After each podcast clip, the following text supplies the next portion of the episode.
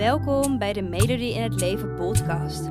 Deze podcast is speciaal voor jou als jij op zoek bent naar meer werkgeluk. Ben jij je huidige werk zat? Wil je iets anders wat wel bij je past, maar weet je niet waar te beginnen? Dan inspireer ik je graag met mijn podcast, zodat ook jij je droombaan bemachtigt, waarbij je voldoening, uitdaging en plezier ervaart. Heel veel luisterplezier.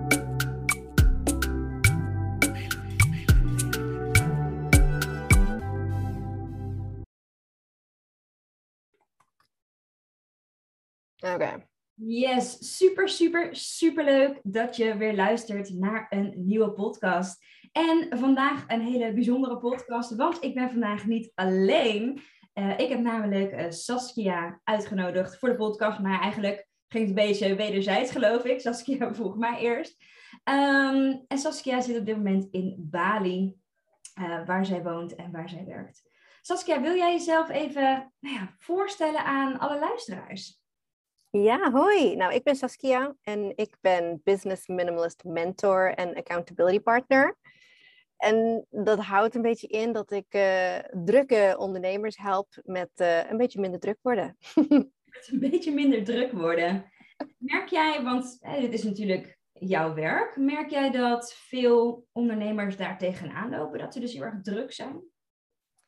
Ja, zeker. Ik denk uh, voornamelijk in het westerse cultuur en zeker ook in het Nederlandse hebben wij het druk zijn een beetje ja, geleerd dat dat is hoe het hoort of dat dat heel leuk is. Ja. Maar eigenlijk, en, en altijd als iemand vraagt hoe gaat het met je? Ja, lekker druk. Ja. maar ja, soms denk ik, we moeten ons afvragen of het echt wel zo fijn is om altijd zo druk te zijn. Ja, zeker. Wat je zegt, dat herken ik wel hoor, van mezelf. Van ja, ik ben druk. Nu ben ik ook wel druk. Maar is het inderdaad lekker? Hey, en, en hoe kijk jij daar tegenaan? Dat vraag ik me natuurlijk wel af. ja, voor mij, mijn levensdoel is niet om druk te zijn. Mijn uh, levensdoel is meer om te genieten en om te zorgen dat ik mijn tijd en mijn energie ga spenderen op dingen dat ik leuk vind. En niet alleen dat ik mijn tijd en energie spendeer met druk zijn. Juist, ja, mooi. En wat voor dingen doe je dan zoal om niet druk te zijn en je tijd en energie aan leuke dingen te spenderen? uh, nou, ik denk het begint uh, met heel veel dingen om even duidelijk te krijgen wat jij wilt. Want dat is voor iedereen natuurlijk anders. Bijvoorbeeld, ik, ik leed mijn leven hier in Bali. Maar ja, niet iedereen wil dat. Dat is misschien niet hun doel. Um, dus om dat duidelijk te krijgen, wat zijn je prioriteiten? En dan te gaan kijken, is hoe ik mijn tijd besteed en uh, waar ik mijn energie aan uitgeef, is dat dan uh, gelijk aan wat ik belangrijk vind of uh, wat mijn prioriteiten zijn? Ja, heel erg mooi dat je dat zegt, want ik herken dit wel heel erg in de dames die ik help, dat we heel veel energie geven aan werk dat we eigenlijk niet leuk vinden, en ja. maar er wel mee doorgaan en dus heel erg druk zijn. Um, mijn vraag is eigenlijk, hoe stel jij dan prioriteiten? Hoe kom je er nou achter? Wat is dat dan voor jou wat je leuk vindt? Ja, precies. Nou, ik denk dat heel vaak is het dat wij onbewust de leven of de dromen najagen van wat ons geleerd is.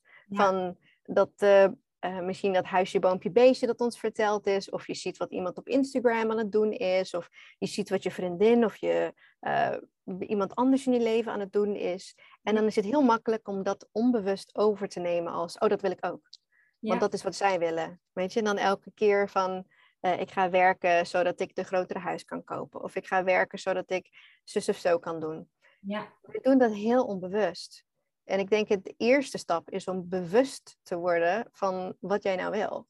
Om even die ruis van het buitenwereld even stil te zetten. En even bij jezelf um, dichtbij te komen. Even gewoon de stilte opzoeken van wat wil ik nou? Yeah. En dat is al soms een heel groot vraag. Um, en dat het misschien heel veel oefening neemt om meer naar jezelf te kunnen luisteren dan de ander. Um, en als je daar naartoe gaat luisteren en dat voor jezelf duidelijk gaat krijgen, om dan te bedenken van oké, okay, ik wil dit bereiken in mijn leven of in mijn carrière of wat dan ook. Wat zijn de stappen om mij daar naartoe te brengen? Ja. En als je dan die stappen helder kan krijgen, om daarmee aan de slag te gaan. Juist. Dus kort samengevat, als ik het goed begrijp, zeg jij, allereerst is het heel erg belangrijk om hè, die ruis weg te halen. Hè, bijvoorbeeld van de mening van hè, eh, om je heen of van de maatschappij. Om Mhm. vervolgens eigenlijk de stilte op te zoeken bij jezelf. Mhm. Ehm, hè, en daarin te ontdekken van wat wil ik eigenlijk, in plaats van wat mijn omgeving bijvoorbeeld wil. Mhm. En vanuit daar gaan kijken, oké, welke stappen heb ik daarvoor nodig? En dat stap voor stap aanpakken. Precies.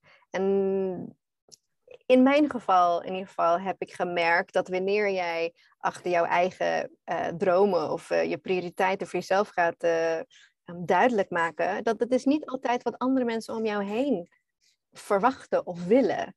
Ja, Bijvoorbeeld toen wij hadden over om ons eh, hele leven op z'n kop te gooien en naar Bali te verhuizen.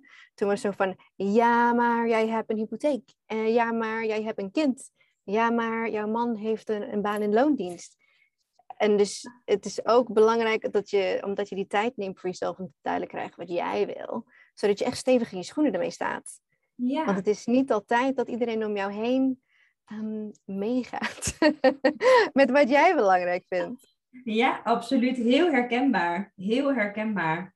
Hey, Mm. en, ehm, hoe was dat dan voor jou, in dit specifieke voorbeeld dan bijvoorbeeld, eh, met verhuizen naar Bali? Want hey, jouw omgeving had duidelijk een andere mening dan eh, hoe dat voor jullie op dat moment voelde.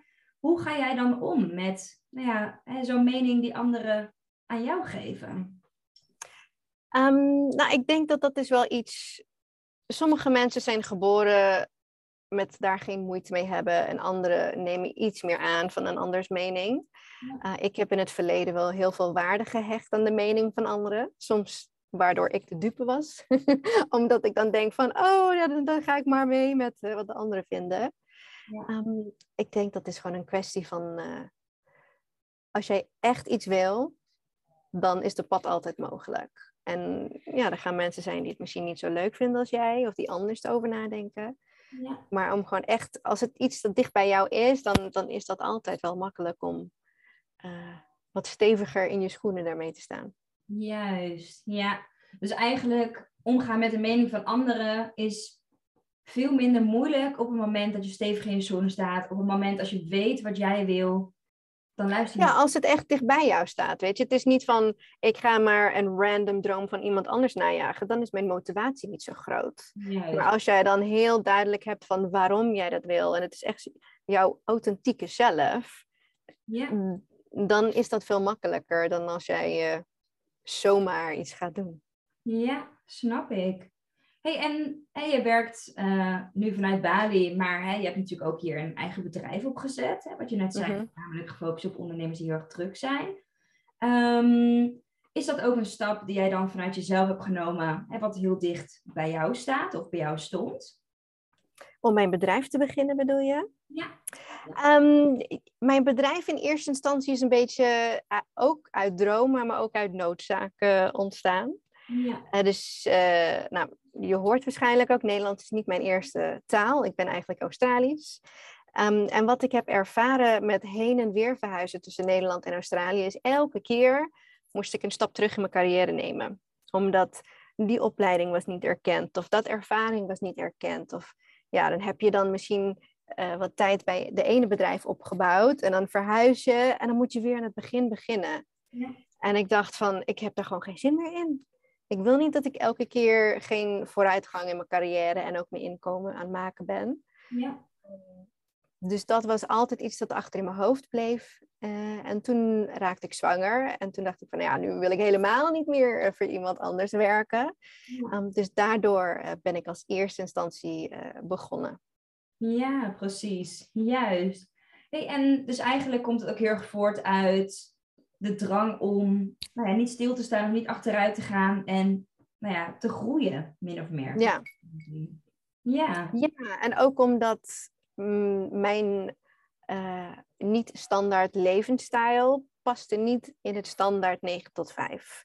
Ja. En dus daarmee, en ik voelde me ook vaak een beetje gestruikeld door het 9 tot 5. Ik vond het werk dat ik deed, ik werkte voornamelijk uh, um, aan de achterkant van bedrijven. Dus uh, office manager, personal assistant, uh, altijd aan de operationele kanten van bedrijven, van heel klein tot heel groot. Ja. Um, En ik vond dat werk leuk, maar ik vond dat office politics eh, en al die dingen dat daar omheen komt, vond ik helemaal niks. Ja.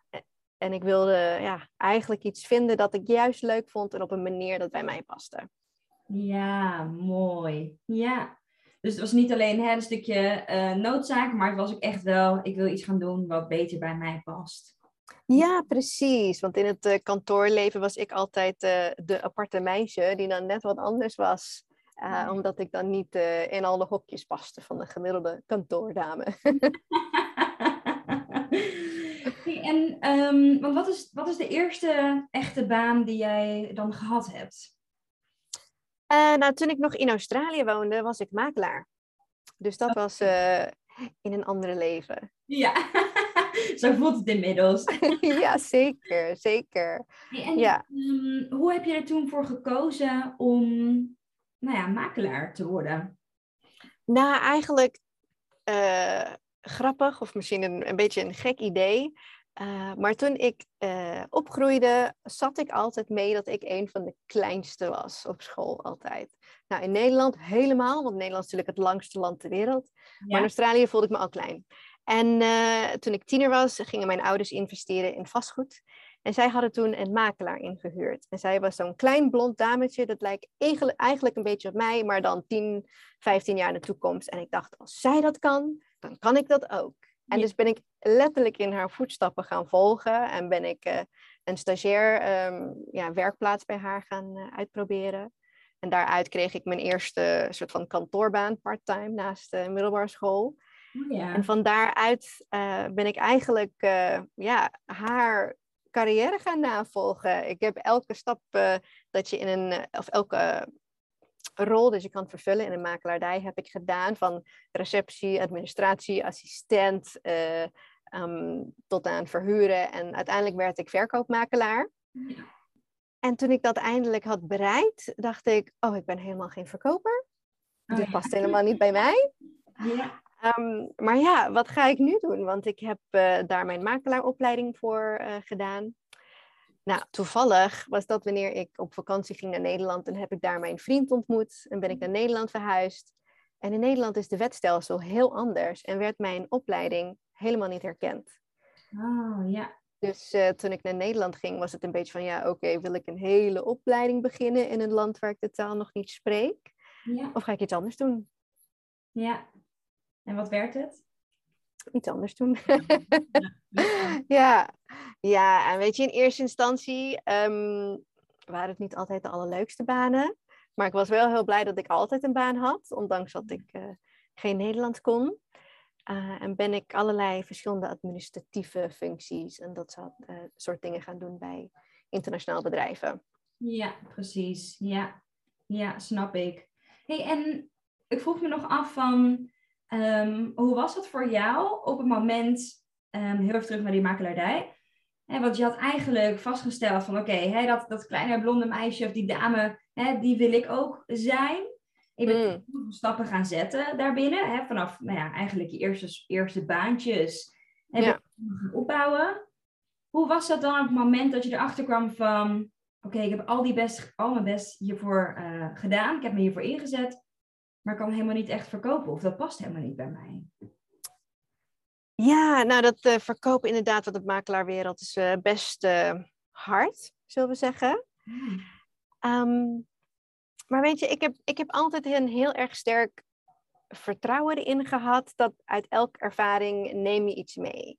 Want wie ik nu als mens ben, zou anders zijn geweest als ik niet dat ervaring had gedaan. Ja. En eigenlijk, uh, wat ik nu doe, ik help mensen dus met structuur in hun bedrijf aanbrengen. Ik help ze met uh, ja, hun planning aanbrengen, meer rust in hun bedrijf ervaren.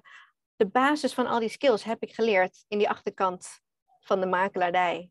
Dus als ik dat daar niet had opgebouwd en omdat ik, zoals ik zeg, elke rol heb vervuld dat in dat bedrijf bestaat, ja. heb ik ook gezien hoe het is in de marketingafdeling en hoe het is in de administratie en hoe het is in de verkoopafdeling. Ja. Dus daardoor heb ik wel het begrip van hoe een heel groot bedrijf in elkaar zit. Juist. Door ja. dat ervaring. Dus ja, wel een beetje balen van, oh shit, wat wil ik nu zijn? Um, maar wel ja, wel heel veel tools die ik in mijn rugzak mee kon nemen. Juist, absoluut. Wel heel mooi dat je dat zo zegt, want dat is iets wat ik denk dat we, hè, als je dus ja, je werk niet meer leuk vindt of een stap moet gaan nemen of wil gaan nemen, dat je dat op dat moment nog niet zo heel erg kan zien. Hè? Dat je dan alleen denkt van ja, balen, uh, wat is het dan wel? Terwijl naderhand heb je heel veel skills opgedaan die je later kan gebruiken. Ik merk dat bijvoorbeeld zelf ook heel erg. Dus heel ja. dat je dat zo, zo benadrukt ook daarin. Ja. Zeker. En ik denk ook, uh, bijvoorbeeld, ik ben niet naar de universiteit geweest. En ik merkte toen ik naar Nederland verhuisde dat dat heel erg uh, pre werd gezien voor een baan. Om, uh, ben je naar de universiteit geweest? Ik zei nee, maar ik ben twintig en ik heb vijf jaar kantoorervaring. Ja. En dat heeft mij bij heel veel plekken um, ja, binnen laten komen. Ze zeiden van oké, misschien snap je niet uh, bepaalde theorieën dat je op uh, um, universiteit leert, maar jij snapt, uh, je kan de hoe noem je dat? You can read the room als jij in een kantoor bent. Dat jij snapt hoe het allemaal moet gebruiken, gebeuren en um, ja, zonder dat we moeten uitleggen van oké, misschien zeggen ze dat het zo theoretisch is, maar in het werkelijkheid is het zo. Juist. ja. Dus ja, werkervaring is, is nooit verspild. Juist, precies. Mooi. Hey, en wat, want je kwam toen daarna, kwam je hey, in Nederland. Uh, toen heb je, nou ja, je zei eigenlijk een beetje, ja, een beetje wat ja, hapsnapbaantjes gedaan. Of ja, niet denigerend bedoeld natuurlijk, helemaal. Nee, nee, nee. Um, en ja, ik kan me ook voorstellen dat je daarna, want ik hoorde net dat groei bijvoorbeeld voor jou heel erg belangrijk is. En je wil niet steeds teruggaan. Wat, wat heb je daarna gedaan? Hoe, hoe is dat toen verlopen? Um, nou, behalve een paar jaartjes dat ik in de horeca ben gaan werken, omdat ik dacht, ik moet nou Nederlands echt onder de knie krijgen. En ik kon niet Nederlandstalige kantoorbanen krijgen, want ik had geen Nederlandse professional niveau. Um, dus behalve dat uh, ben ik ja, eerst gewoon wat administratieve baantjes gaan doen. Um, en dan ben ik bij wat grote um, ja, fashionmerken, multinational bedrijven, ben ik dan uh, bijvoorbeeld uh, personal assistant voor de vice president gaan worden. En ben ik dan office manager gaan worden. Dus wel wat grotere bedrijven, um, ja, de big boys en girls ondersteunen, zeg maar. Ja. en dat beviel me eigenlijk wel heel erg de, de, de, office politics wat minder, moet ik zeggen. Ja. Um, maar ja, dat zorgen dat alles geregeld was en dat uh, elke keer de problemen zien van hoe dingen niet efficiënt werken en dat kunnen oplossen. En ja, dat merkte ik wel van, oh, dit is eigenlijk het leukste onderdeel van mijn makelaarervaring. Was niet makelaar zijn, maar de regelen van de toko aan de achterkant. Ja, en hoe heb je dan die keuze daar naartoe gemaakt? Want je, je werkte op dat moment in de horeca. Hoe ga je dan opeens ja, zo'n switch maken?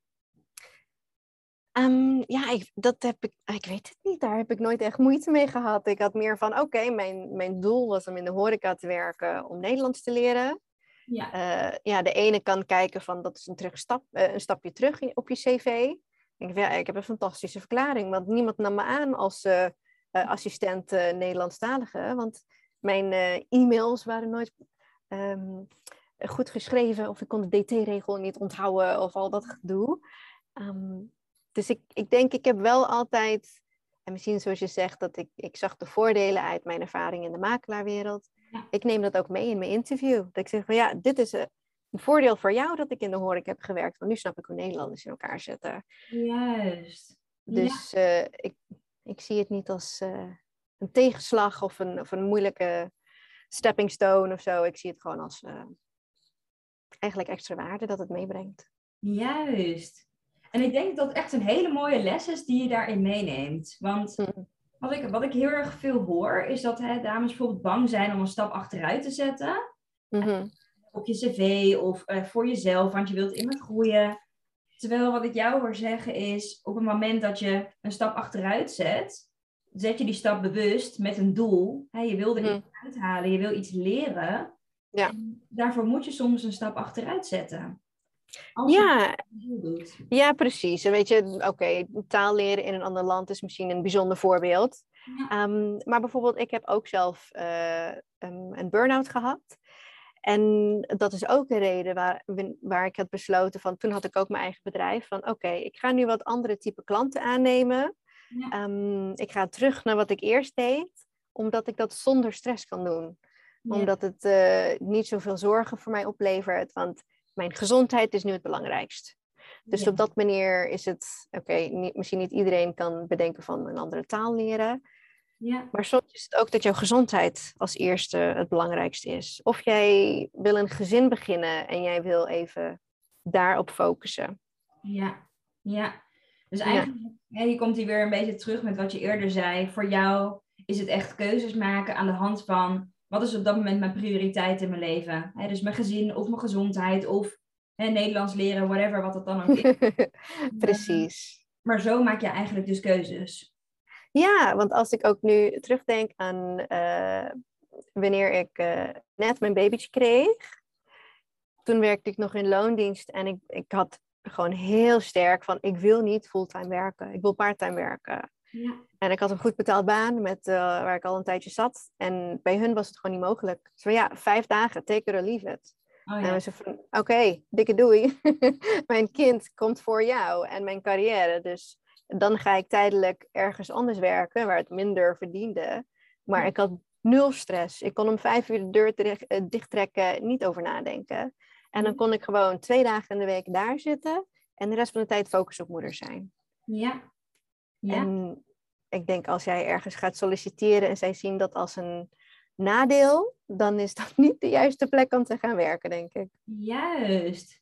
Wat mooi, want wat ik bijvoorbeeld ook heel erg merk is dat heel veel dames het lastig vinden hè, om eh, überhaupt een stap te nemen.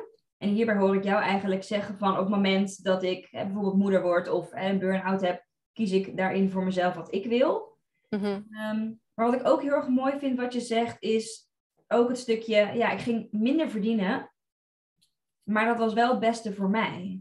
Ja. Ik vraag me af, want ik weet dat er heel veel dames zijn die het spannend vinden om een stukje financiële zekerheid op te geven.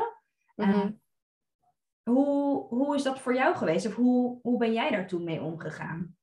En een heel strak budget maken. ik denk sowieso het eerste ehm, is dat mensen hun waarde moeten loskoppelen van hun carrière. Ja, Want ik denk het wordt dan zo aangeleerd in het westers leven dat jouw carrière is jouw purpose. Ik denk van Ja. nee lieverd, jouw purpose is genieten van je leven. En weet je, als een onderdeel daarvan is je carrière, leuk. Maar dat is niet het end-all be-all. ja, Dus ik denk dat als eerste wil ik even zeggen. Ehm, en hoe ik daarmee ben omgaan. Nou, sterker nog, toen ik ben parttime gaan werken, is mijn man ook parttime gaan werken. Want wij hadden van het idee dat eh, wij hebben een kind genomen omdat wij echt met ons kind wilden zijn. Dus Ja. ik ben naar twee dagen gegaan en hij naar drie. Dus in principe hebben we één eh, inkomen verloren. ja, En dat is gewoon aanpassingen maken. Dat is, ik denk, eh, heel vaak zijn mensen misschien een beetje bang om echt hun financiële inzicht te krijgen. En dat is stap één, om gewoon echt te kijken, oké, waar gaat mijn geld naartoe?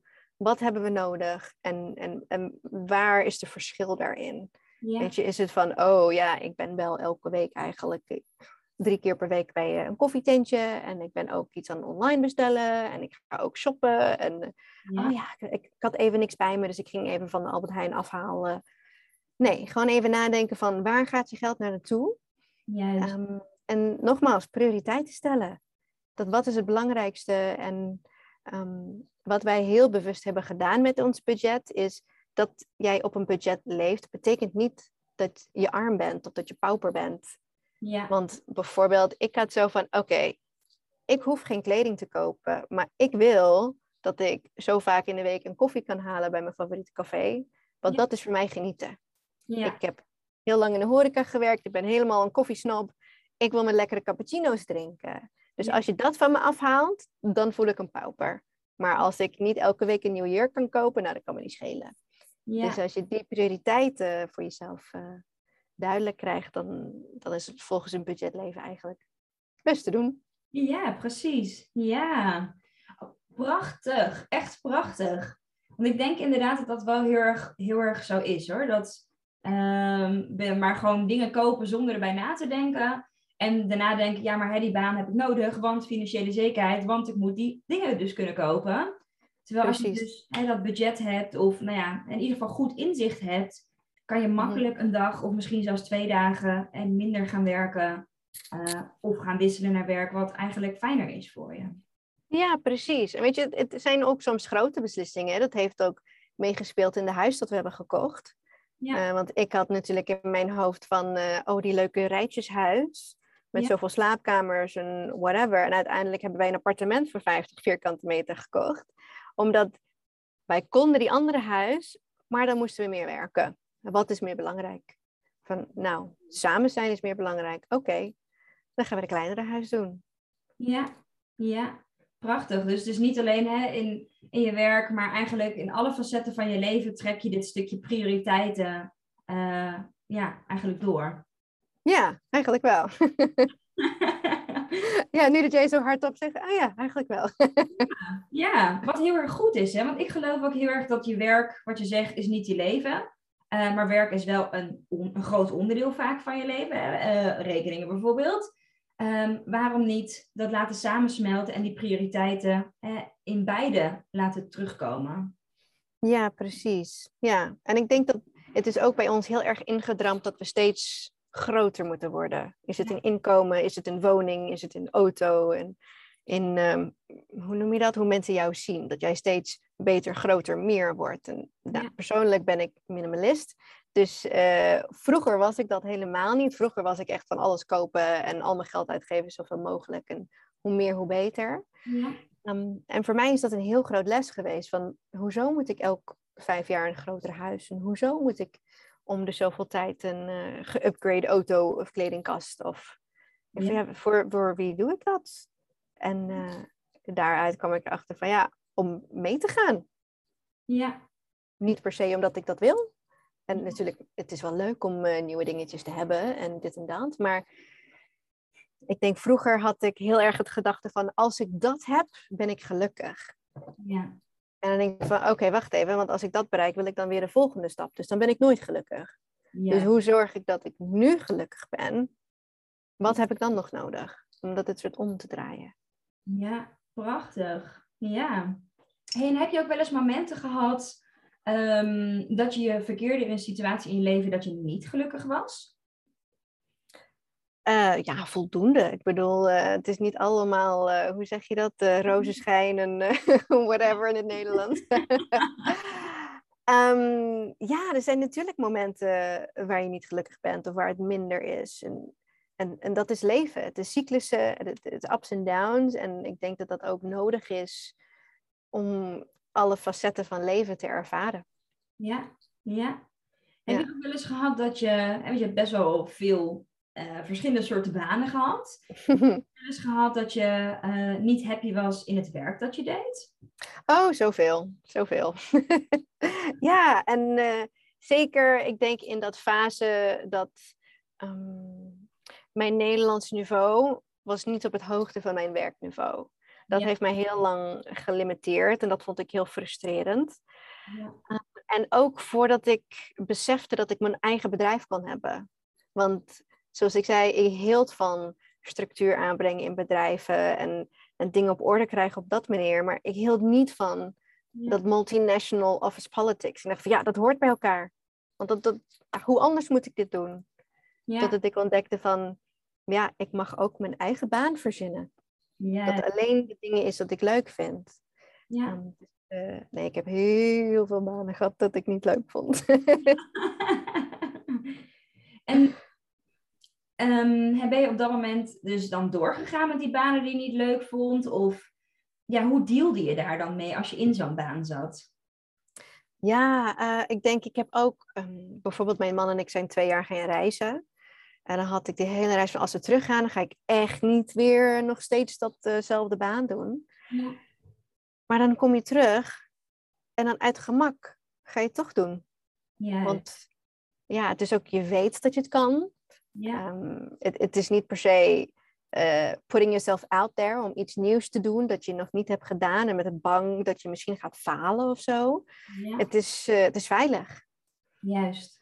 En dan uh, echt binnen een paar weken, als niet een paar maanden, dan was het van, oh ja, dit ging ik niet doen, hè? Ja. Oh, ja. en nu? Um, dus het is heel makkelijk om er terug in te vallen uit gemak. Juist, dus echt gemak, ja. Ja. ja. En hoe stap je daar dan vervolgens uit? Want ik weet dat er heel veel meiden zijn die luisteren, die inderdaad eh, in hun werk zitten vanwege gemak.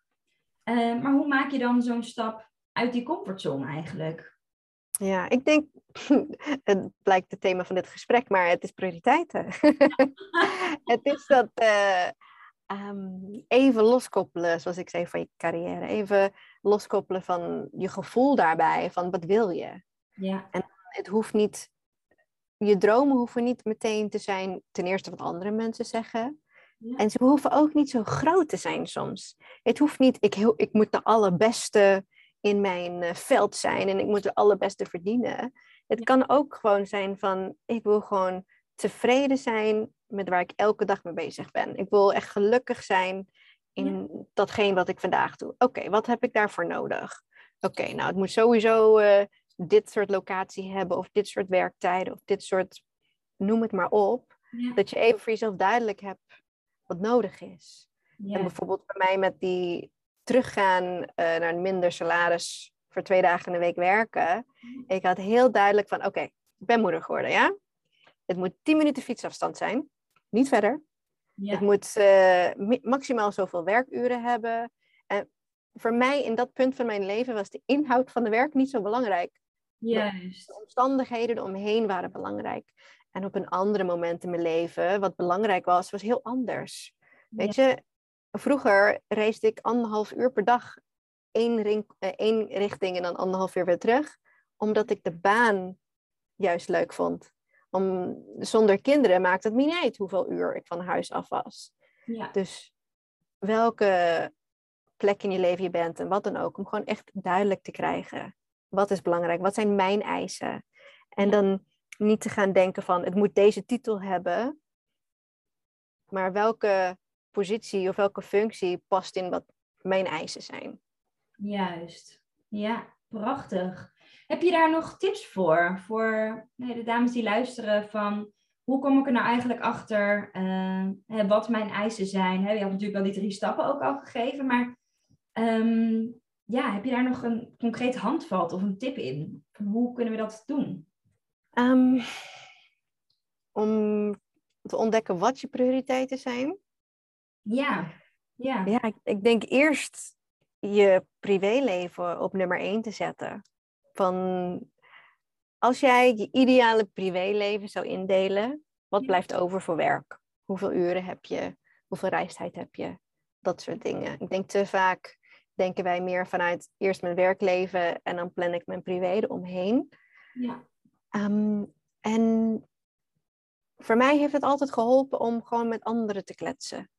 Ja. Want iedereen is anders. Ik kan niet intern in mijn hoofd alleen maar dingen verwerken. Ik ben iemand die moet praten erover. En zoals nu al in dit gesprek met jou, denk ik van, oh ja, nu dat je dat zo opnoemt, er zijn wel zo'n thema in mijn leven. Nooit bij stilgestaan. Ja. Ehm, soms door te praten met andere mensen van wat jij wil, kom je achter wat je wilt. Juist, ja. Heel herkenbaar. Vaak zien we, zien we het zelf ook niet, hè? Als je een spiegel voorhoudt, dan nou ja, eh, dan heb je opeens doorbraken dat je denkt, oh, huh, dat was me helemaal niet duidelijk. Precies, precies. Want als je te veel in je hoofd blijft draaien, dan blijf je ook je eigen woordenschat gebruiken, je eigen gedachten, je eigen whatever.